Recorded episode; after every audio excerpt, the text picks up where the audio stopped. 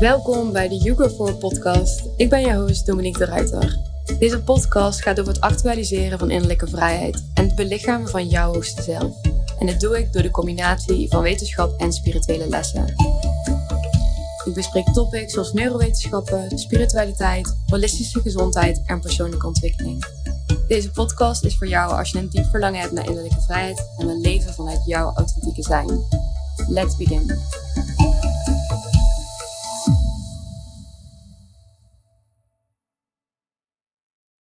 Hey en welkom bij weer een nieuwe aflevering. Dit is de tweede podcast die ik opneem. En in deze podcast wil ik het hebben over je hart. Um, specifiek leven vanuit je hart. Dat klinkt allemaal heel erg mooi, leven vanuit je hart. Maar wat betekent dit precies? In persoonlijke ontwikkeling en biohacking en mindfulness komt vaak naar voren dat we een impact kunnen maken door onze mind te veranderen. Door te zakken in ons lichaam in plaats van continu bezig te zijn met de continue stroming van gedachten. Maar wat is er eigenlijk echt bekend over het hart? En hoe kunnen we het hart inzetten als tool om nog gelukkiger te zijn, om nog gezonder te zijn, om nog meer innerlijke vrijheid te creëren? Het is nog niet zo heel erg lang geleden dat het onderzoek naar het hart um, groter en meer in de belangstelling kwam. Een HeartMath Institute, dat door Doug Children in 1991 is opgezet, doet onderzoek naar de fysiologie van emoties en zelfregulatie, maar doet ook onderzoek naar het hart. En onderzoek naar onderzoek wees uit dat het hart een intelligentie bevat, die een krachtige invloed heeft op je mentale, op je emotionele, je fysieke en je energetische staat. En diep van binnen weten we dit. Kijk alleen al naar bijvoorbeeld spreekwoorden. Aan het hart gaan. In hart en nieren. Ergens hart voor hebben. Je hart uitstorten. En niet over je hart krijgen. Iets op je hart hebben. Met hart en ziel. Alleen al gekeken naar deze spreekwoorden fungeert het hart als zoveel meer. En het is dus niet alleen maar een pomp dat bloed door het lichaam stroomt. Al geloof ik dat heel veel mensen dat idee wel hebben. Je hart is de motor van je intuïtie. En ze is super gevoelig afgesteld op informatie van binnen en buiten. Dus op het moment dat je in een ruimte komt, dan is je hart al allerlei signalen aan het oppikken. En dat voel jij. Want op het moment dat je in de kamer binnenkomt en er is net een dikke fight geweest, dan creëer jij dus ook onrust of spanning in jouw lijf. Het kan zijn dat je opeens moe wordt, hoofdpijn krijgt, of dat je het gevoel hebt dat je vastzit of bekneld wordt. Maar het kan ook zijn dat wanneer je iemand tegenkomt, een vriendin, een, een zus, een, je partner, um, misschien wel een wild vreemde. En je voelt in één keer dat je hart opent. Je voelt dat je opeens superveel energie krijgt, dat je enthousiast wordt, dat je liefde voelt, dankbaarheid voelt, dat je allerlei positieve emoties en gedachten en gevoelens ervaart. En dat is dus wat het hart doet. Het hart pikt intuïtief informatie op uit de buitenwereld, uit de binnenwereld. Die registreert dat. En in sommige gevallen eh, reageert ze er dus zelf op, maar het signaleert dus ook door naar het brein en naar de rest van het lijf. Het hart beschikt over zo'n 40.000 neuronen. En als je niet zo goed weet wat neuronen zijn, neuronen zijn cellen die gespecialiseerd zijn in het overbrengen van informatie naar andere cellen. En deze 40.000 neuronen sorry, hebben dus een open communicatie met het brein. Dat wil zeggen dat het hart dus in een continue communicatie is met het brein. En we dachten eerst dat het brein vooral informatie stuurde naar het hart. Maar we komen er dus nu achter dat het vooral het hart is dat informatie stuurt naar het brein. Hoe vet is dat? En deze groep van neuronen wordt ook wel het intra intracardiaal zenuwstelsel genoemd. Dus uh, intracardiaal, cardiaal staat voor hart en intra staat voor binnen. En een ander woord voor dit iets wat moeilijker wordt is dat het ook wel de kleine hersenen worden genoemd. En het hart is dus, zoals ik al zei, in staat om informatie op te pikken en daarop te reageren. En het is eigenlijk niet voor niets dat onderzoek laat zien dat er gigantische veranderingen kunnen optreden na bijvoorbeeld een harttransplantatie. En ik ga je een paar voorbeelden met je delen. Een 25-jarige man ontving het hart van een 24-jarige lesbienne vrouw. En hij vertelde dat hij na zijn transplantatie een hoger libido had dan ooit tevoren.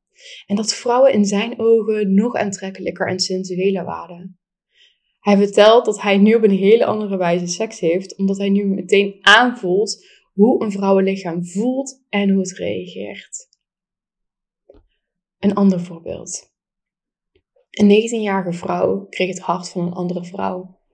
En ze geeft aan dat ze haar voelt en dat ze haar ziet als een zusje. Ze heeft zelfs het gevoel dat ze in een vorig leven wel familie zouden moeten zijn. Ze praat met haar wanneer ze zich verdrietig voelt. En ze voelt de aanwezigheid van haar donor in haar hart. Een andere 48-jarige vrouw vertelde dat ze vijf maanden na transplantatie een had. Het was een warme zomerse dag en ze stond in een open grasveld. Er is een jonge man bij haar. Hij is groot, lang en gespierd en heeft een beetje zandkleurig haar. Zijn naam is Tim en zijn achternaam lijkt op Leten, maar ze is er niet helemaal zeker van. Later kreeg ze te horen dat haar hartdonor een 18-jarige man was, genaamd Tim Lemerinda. Ze begon vervolgens een supportgroep voor mensen die een harttransplantatie hadden ondergaan. En ze kwam erachter dat iedereen, echt iedereen uit die supportgroep, na de transplantatie een gevoel had van verbinding met de donor.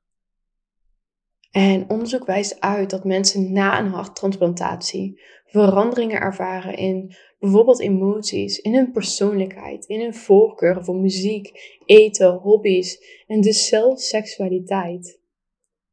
Het is zelfs zo, en dit is echt legit, het is zelfs zo dat er moorden zijn opgelost doordat de mensen zich na een transplantatie herinneren van wat er is gebeurd. En dit kan zijn geweest door dromen of ingevingen. Wauw, toen ik dit las in uh, de artikelen, ik, ik was gewoon flabbergasted over de intelligentie van het hart. Het feit dat mensen verandering ervaren in smaak en daarna navragen. bijvoorbeeld, ik las ook van een, van een casus van iemand die uh, opeens na zijn transplantatie superveel uh, drang had naar uh, chicken nuggets en groene pepers, geloof ik. En dat ze dus later vroegen aan de donorfamilie van, hey, hield, hield hij van groene pepers? En toen gaf ze dus aan, ja, ja, hij hield van groene pepers, maar hij hield nog veel meer van chicken nuggets. Dus dit is zo bizar. Ook mensen die zich inderdaad kunnen herinneren, die, die opeens totaal zich anders gaan kleden, die andere hobby's hebben. Het is zo bizar wat het hart doet, wat het, wat, het hart opslaat, wat het hart kan doorgeven. En het is mooi om te zien dat dus nu ook onderzoek uitwijst dat dit wel degelijk ook zo is. Het hart is een zeer intelligent, zeer emotioneel, zeer krachtig en zeer magisch orgaan. Dat veel meer doet dan enkel zijn fysieke taken. Het hart is in staat om zelfstandig te denken.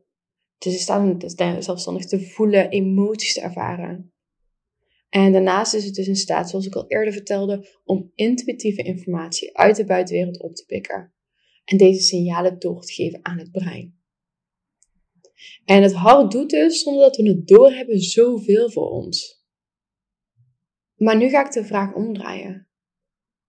Wat kunnen wij doen voor ons hart? Want de manier waarop wij leven, de manier waarop we onszelf voeden, dat kan zijn met eten, maar dat kan ook zijn met mensen, met energieën. De manier waarop wij ons voelen, de manier waarop wij denken, eten, slapen, sporten, bewegen. Al die aspecten hebben een enorme impact op het hart. Negatieve emoties en gedachten, gedachten creëren bijvoorbeeld chaos en disorder in het hart. Dus wanneer jij, weet ik veel, nog steeds boos bent over dat iemand het vijf jaar geleden oud heeft gemaakt en niet meer verliefd op je was. En je bent nog steeds na die vijf jaar bezig met emoties van woede en frustratie en jaloezie en weet ik veel, verdriet. Dan heeft het dus een enorme impact op jouw hart. Want wat, doet, wat doen die emoties? Die emoties zorgen ervoor dat je hart in een aritmisch beeld gaat functioneren, gaat kloppen. En die negatieve of limiterende of ja, hè, die negatieve emoties, die zorgen er dus ook voor dat het hart niet in staat is om goed te kunnen communiceren met andere systemen in het lijf. Waaronder je brein, waaronder je hormonen, waaronder je darmen, waaronder alles in je lijf. Dus op het moment dat je dus woede of frustratie voelt naar iemand, naar iets, naar een situatie, naar, een, oh, naar iets in het verleden, dan weet je nu ook dat je alleen maar jezelf ermee hebt. Want op het moment dat er dus geen communicatie is intern, er is geen communicatie tussen verschillende systemen. Het hart klopt aritmisch. Er verdwijnt steeds meer energie. De batterij wordt steeds iets minder vol. Dan zorgt die emotie of die gedachte er dus voor dat jij uiteindelijk ziek wordt. Dat jij uiteindelijk een energietekort krijgt. Dat jij uiteindelijk mentale, emotionele of energetische problemen ervaart. En wanneer we dus kijken naar positieve emoties, zoals liefde, dankbaarheid, plezier, dan creëert dat orde en harmonie. En je voelt ook gewoon dat je hart zich opent. Dus wanneer jij dus, wat ik net al zei, wanneer jij iemand ontmoet en die heeft zo'n fijne vibe om zich heen. Of je hebt je beste vriendin een half jaar niet gezien en je pikt erop bij het vliegveld. I don't know, ik noem maar een voorbeeld. Wow, dan opent je hart zich. Dan stroomt het letterlijk over van energie. En wat er dan gebeurt, is dat het hart in een harmonieus ritme klopt en nauwe samenwerking aangaat met andere systemen, waaronder het brein, de ademhaling, de hormoonhuishouding. En het is dus ook zo dat wanneer er dus een harmonieuze samenwerking is tussen al die systemen, dat er dus ook energie overblijft. Want als ieder systeem maar op zijn eigen eilandje zit en maar wat doet, dan verlies je dus onderweg enorm veel energie. Maar wat gebeurt er als iedereen samenwerkt? Dus bijvoorbeeld, er ligt een, ehm, een boom op de straat. Jij in je eentje gaat die boom niet wegkrijgen. You can try. Maar je gaat die boom niet wegkrijgen. Maar wanneer je alle mensen in de omgeving uh, vraagt om mee te helpen, dan krijg je die boom weg. En niet eens terwijl je zelf doodmoe wordt. Het heeft allemaal te maken met samenwerking. Dus zie het zo. Als jij in je eentje die boomstam van de, van de straat af moet halen, dan ben je en doodop. En waarschijnlijk heel gefrustreerd. En je krijgt die boomstam niet weg.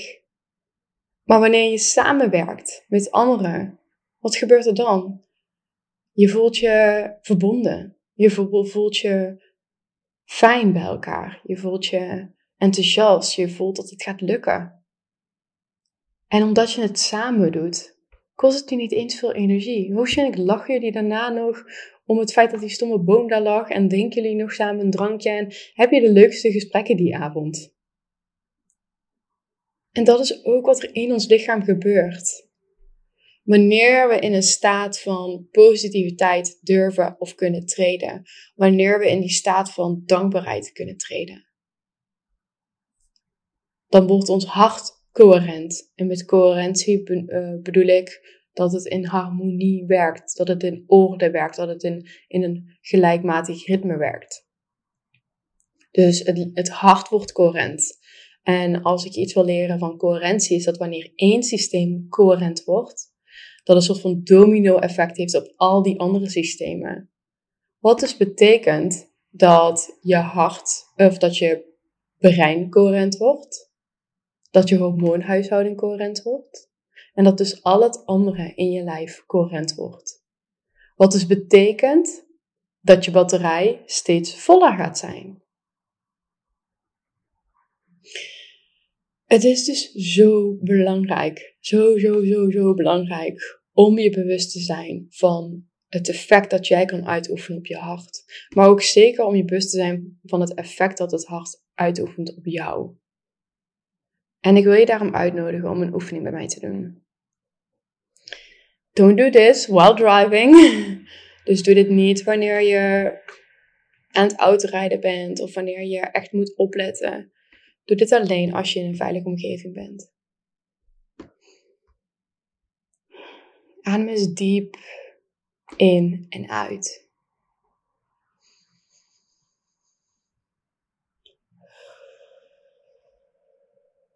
En adem nu eens naar je hart. Dus adem in en uit vanuit je hart.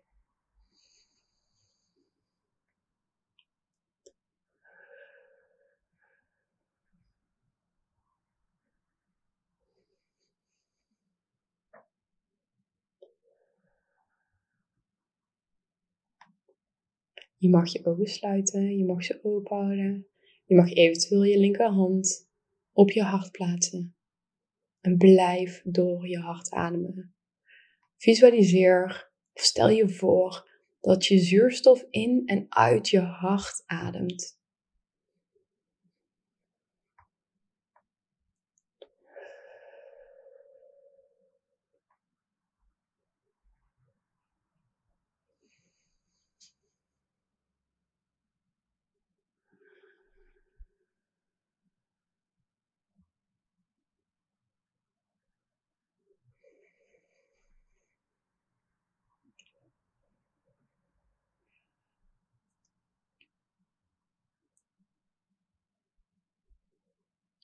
Blijf ademen. En ik wil je vragen om een gevoel van dankbaarheid op te wekken. Waar ben je dankbaar voor? Is het het schone water uit de kraan? Is het iets waar je heel trots op bent? Is het je huis of je partner, je kinderen, je vrienden of vriendinnen? Is het een plek? Focus je op die dankbaarheid.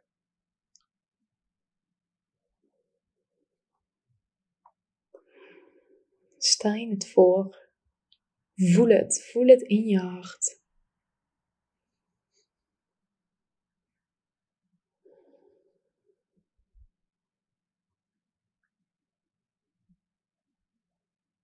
En laat het door je hele lichaam stromen.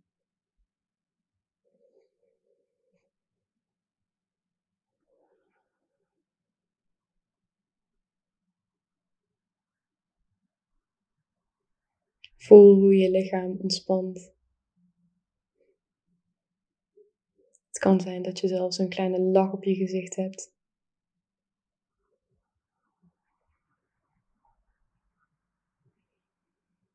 Adem nog één keer diep in. En uit. Hmm. Ik wil je bedanken voor het luisteren naar deze podcast. Deel hem vooral met anderen waarvan je denkt van hé, hey, deze mensen moeten dit echt horen.